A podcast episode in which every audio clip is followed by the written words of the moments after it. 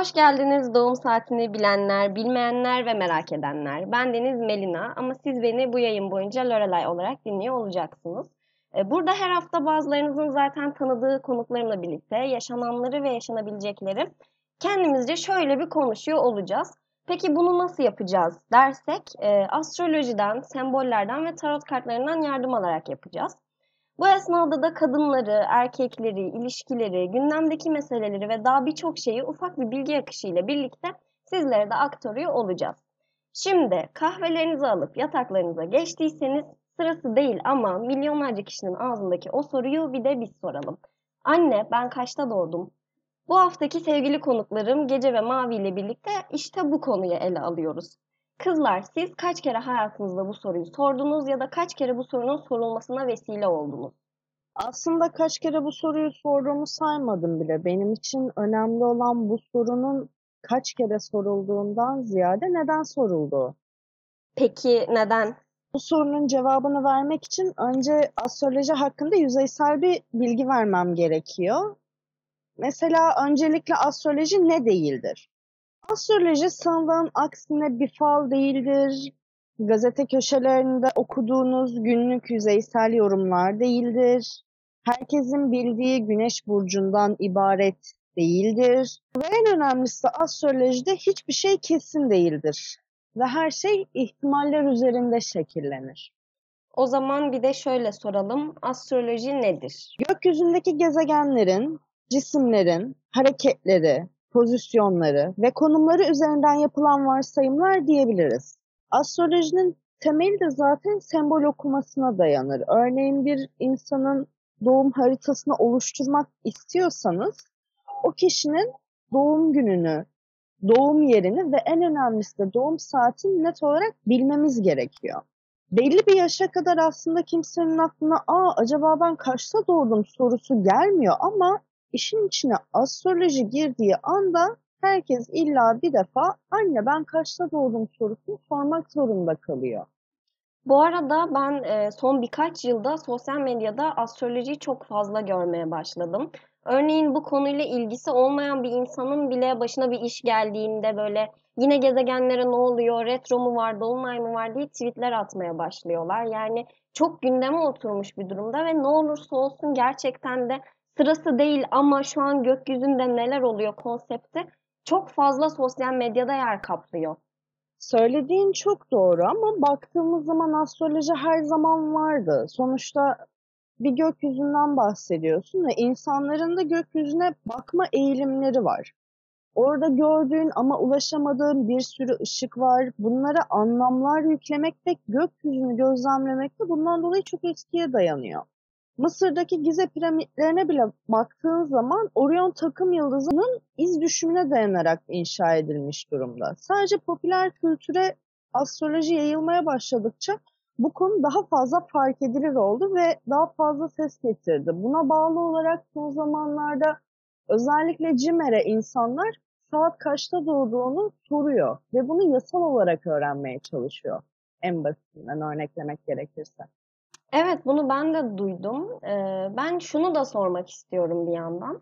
Özellikle biz kızlar neden meraklıyız bu alana? Yani bu hani muhabbet aşkım saat kaçta doğduğun sorusuna nasıl gelmiş olabilir?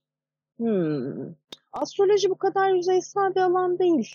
Ama karşımızdaki kişinin kim olduğunu, bizi nelerin beklediğini bilmek istiyoruz. Yani temeli merak duygusu bana göre fallara, tarota da aynı nedenlerle merak salabiliyoruz ve bu alanların, spiritüelliğin amacı bu olmasa da genel olarak ilişki içerisinde ya da ilişkinin bitiminde bu konulara daha fazla eğilim gösterebiliyoruz. Bir nevi ilişkimizi kontrol etmek ve bilinmeyeni anlamlandırmak istiyoruz aslında. O zaman şurada bir hemen altyazıda geçeyim. Bu yayında da zaten amaç hiçbir zaman astroloji ve tarot gibi ilimleri yüzeyselleştirmek ya da bu alanlarda uzman olduğumu iddia ederek sizlerle bilgi paylaşmak değil. Burada amacım sadece konuyla ilgili deneyimlerimizi ve gündem hakkındaki düşüncelerimizi bu alanlar aracılığıyla eğlenceli bir yayın akışı haline getirebilmek. Ee, bunu da eklemiş olayım diyerek mikrofonumu geceye yönlendiriyorum. Gece sen hiç sordun mu aşkım sen saat kaçta doğdun diye? Ben işin astroloji boyutundan daha çok tarot boyutuyla ilgileniyorum aslında. Bunun için de karşımdaki kişinin kaçta doğduğunu bilmeye ihtiyacım olmuyor. Biraz da tarot ne değildir bunu ele alabiliriz.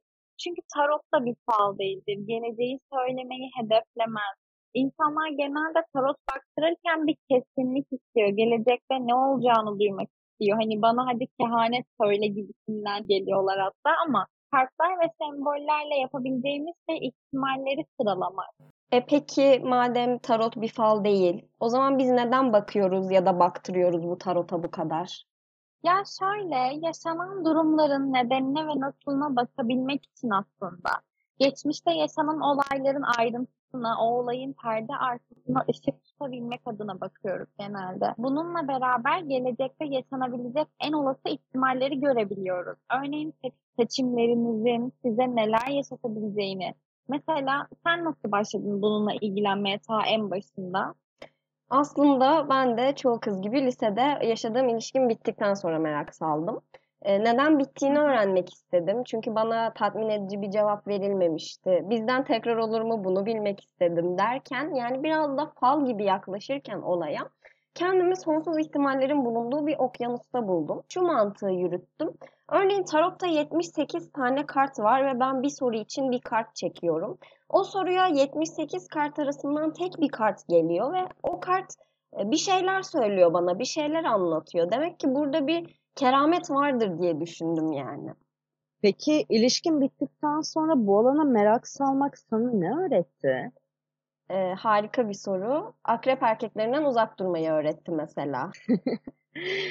bu arada şöyle bir şey var. Bu konulara sadece kızların merak saldığı gibi genel geçer bir düşünce var. Ama astrolojiyle, tarotla, spiritüellikle ilgilenen hatta sayılır bir erkek kitlesi de var aslında. Ay ben mesela astroloji bilen ve tarot bakabilen bir sevgilim olmasını çok isterdim. Ay aksine ben kesinlikle istemezdim. Böyle bir erkek tanıdım ve astroloji bildiği için tanıdığı tüm kadınları istisnasız bir şekilde bu yönde manipüle edebiliyordu. Burcu neydi peki? Balık burcu aslında gölgeye yön çalıştırdığı zaman çok güzel manipüle edebiliyor. Bence kesin balık erkeğidir. Doğru. Kızlarımıza buradan ufak bir e, uyarı yapmak istiyorum. Mümkünse kaçın böyle biri tanıdığınızda. Dur şimdi böyle de demeyelim. Balık burçlarından linç gelebilir her an diye hissettim.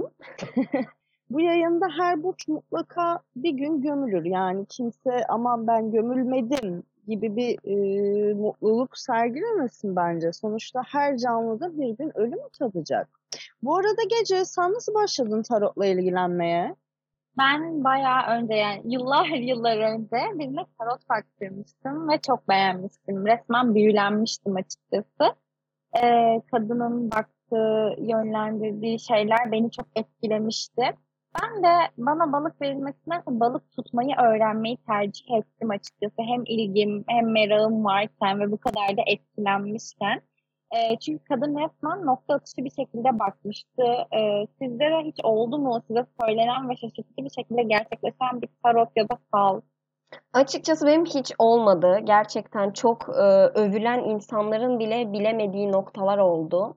Gerçekleşmeyen birçok şey oldu. E, bu yüzden ben çok merak ediyorum. Bu gerçekleşen fallarda ya da tarotlardan söylendiği için mi olay gerçekleşiyor yoksa gerçekleşeceği için mi olay öngörülebiliyor? Bu benim için büyük bir merak konusu. Çünkü bence enerjimizle birlikte yaşanan olayları kendimize çekiyor olmamız da çok olası. Benzer bir paradoks astrolojide de var. Mesela doğum haritası dediğim ve biraz önce bahsettiğim şey sen mi seçtin haritanı yoksa haritan mı seni seçti gibi bir düşünce var ve bu birçok kesim tarafından tartışılmakta. Mesela bu haritayı benim ruhum bilerek kendi öz iradesiyle seçtiyse kendisiyle gerçekleştirmem gereken çok ciddi bir hesaplaşma var. Çünkü doğduğun harita kaderindir. Aslında tam olarak öyle de demeyelim. Haritanın üstüne çıkmak yani üst benliğine ulaşabilmek için de haritayı kendine bir aracı olarak kullanırsan çok güzel şeyler başarabilirsin. Evet, mantıklı bir yaklaşım. Bu arada Gece sen e, çok iyi bir tarot yorumcususun, çok iyi bir tarot okuyucususun. E, bu yüzden sana sormak istiyorum. Sence olay gerçekleşmesi, bu tarotlarda çıkan şeyler olması söylendiği için mi gerçekleşiyor yoksa gerçekten gerçekleşeceği için mi öngörülebiliyor? Öncelikle çok teşekkür ederim. Ee, şöyle söyleyeyim, benim düşüncem yani söylediğimiz için gerçekleşmiyor bence. Hani yani zaten olası bir ihtimal olduğu için ya, ya zaten var olduğu için o ihtimal bence bunu görüyoruz ve söylüyoruz. Evet, bu soruya da tam anlamıyla bir cevap veremiyoruz yine. Hala bir soru işareti olarak kalıyor. Çünkü bu noktada da birazcık ayrılmış bulunduk. Ee, neyse soru işaretleri güzeldir diyerek aslında noktayı koyabiliriz bu noktada. Evet, dedikodu çanlarımızı da çaldığına göre benim sabırsızlıkla beklediğim dedikodu köşesine gelmiş bulunuyoruz. Hızlıca gündeme bir göz attığımızda çok ses getiren bir videodan bahsetmek istiyorum. Zeynep Bastık ve Edis'in e, dans videosu. Siz gördünüz mü kızlar? Evet, gördüm. E, bu video ile ilgili çok fazla linç yediler Twitter'da ve ben şöyle bir şey de gördüm aslında. Bir dedikodu gördüm tabii ki. Bu videoyu çeken Zeynep Bastık'ın kocasıymış şeklinde bir dedikodu. Ve bu aslında benim kafamda bir şey uyandırdı. Acaba bu video bir reklam olabilir mi? Reklamın iyisi kötüsü olmaz e, taktiğiyle yapılmış. Belki yakında bir Zeynep Bastık ve Edis düeti duyacak olabilir miyiz mesela? Ve duyduğuma göre gece bu konuyla ilgili kart çekmişsin. Bizimle paylaşabilir misin yorumlarını? Tabii ki hemen.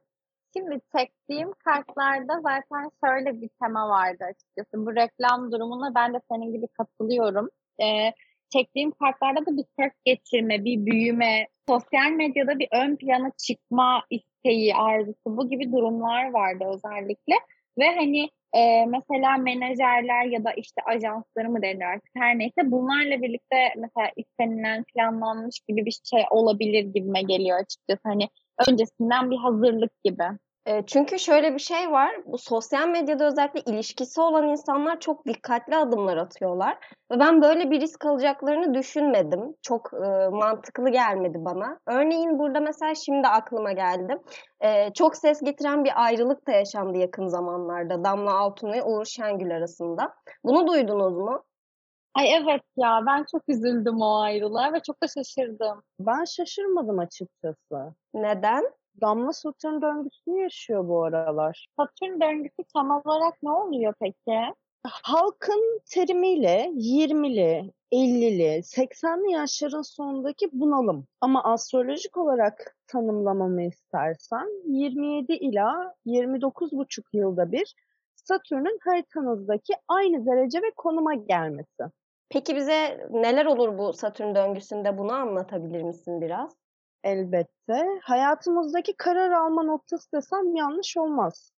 Bu süreçte insan o yaşa kadar yaptıklarını düşünerek kendi içine dönüyor ve öz eleştirilerde bulunuyor. Bu öz eleştirilerin sonucunda da ya Herro ya da Merro ayrılığına düşebiliyorsun. Bu döngüde yaşlandım mı, geç mi kaldım gibi korkular, bir şeylerin ciddiye binmesi ya da bitişi gibi gündemler ortaya çıkabiliyor. Mesela Uğur'un Satürn döngüsüne baktığımızda yeni bitti ama Damla hala Satürn döngüsünü yaşıyor. İki taraftan biri ilişkiyi ciddiye bindirmek istemiş ama diğer tarafta istememiş olabilir. Çünkü Satürn biraz içe dönmektir. Bu süreçte yaşanan buhranlardan dolayı da ilişkilerinin bitmiş olabileceğini düşünüyorum ben. Bu Satürn döngüsü etkisinin ünlü camiasında başka örnekleri var mı peki? Tabii ki. Ünlüler arasında 27'ler kulübü tabiriyle anılan şey aslında bizim burada Satürn döngüsü dediğimiz şey oluyor. Kendini bulamadığına ya da gerçekleştiremediğine inanan ünlüler bu yaşlarda intihar etmiş mesela. Bunun en büyük örneklerinden biri de Amy Winehouse. Ya gerçekten mi? Evet, yani bu döngüde yaşadığın sürece kadar olan yaptıklarınla yüzleşiyorsun aslında bir nevi. Ya kabulleniyorsun ya kaçıyorsun. Ya Herro ya Merro mantığı. O zaman Damla ve Uğur'un da ama Satürn döngüsündeyken ayrılması pek de şaşırtıcı olmamış. Bu arada burçları neydi Damla ile Uğur'un? Karıştırıyorum hep ben onları. Damla yay burcu, hatta ay burcu da yay. Uğur da oğlak ve ayı koç. Uğur'la Damla'nın annelerine saat kaçta doğduklarını soramadığımız için yükselenlerini bilemiyoruz. Peki dinleyicilerimize bu burçların ne demek olduğunu biraz açıklayalım mı? tabii. Ee, bu arada insanların hep söylediği işte ben balığım, kovayım, ikizlerim gibi terimlerin hepsi aslında güneş burcundan kaynaklanıyor. Ancak bir de bizim ay burcumuz var. Damla'nın güneşi ve ayı yay burcu olduğu için daha fazla yay özelliği sergiliyor. Cıvıl cıvıl, çocuk gruplu, eğlenmeyi, gezmeyi e, seven bir kişilik karşımıza çıkıyor burada. Zaten YouTube kanalıyla vloglarını da incelediğimizde bol bol gezdiğini görebiliyoruz. Uğur'a dönersek biraz da oğlak erkeği karşımıza çıkıyor. İşine önem veren, dakik, planlı bir insan figürü oluşuyor kafamızda. Zıt kutupların birbirini çekmesi diyebilirim ben bu ilişkinin genel dinamiğini özetlerken. Oğlak ve Yay normalde çok anlaşamaz diye biliyorum ben ama zaten bayağı da sürdü ilişkileri. Umarım ikisinin de hakkında hayırlısı olur diyerek e, dedikodu köşemizle birlikte ilk bölümümüzü sonlandırabiliriz bence. Kızlar size de konuğum olmayı kabul ettiğiniz için çok teşekkür ediyorum. Asıl biz teşekkür ederiz. Çok keyifli bir sohbet oldu. Ben de çok eğlendim. Umarım sonraki haftalarda tekrar bir araya gelebiliriz. Bir sonraki bölümümüzde görüşmek üzere diyor ve yayını kapatıyorum o zaman. Kendinize çok iyi bakın.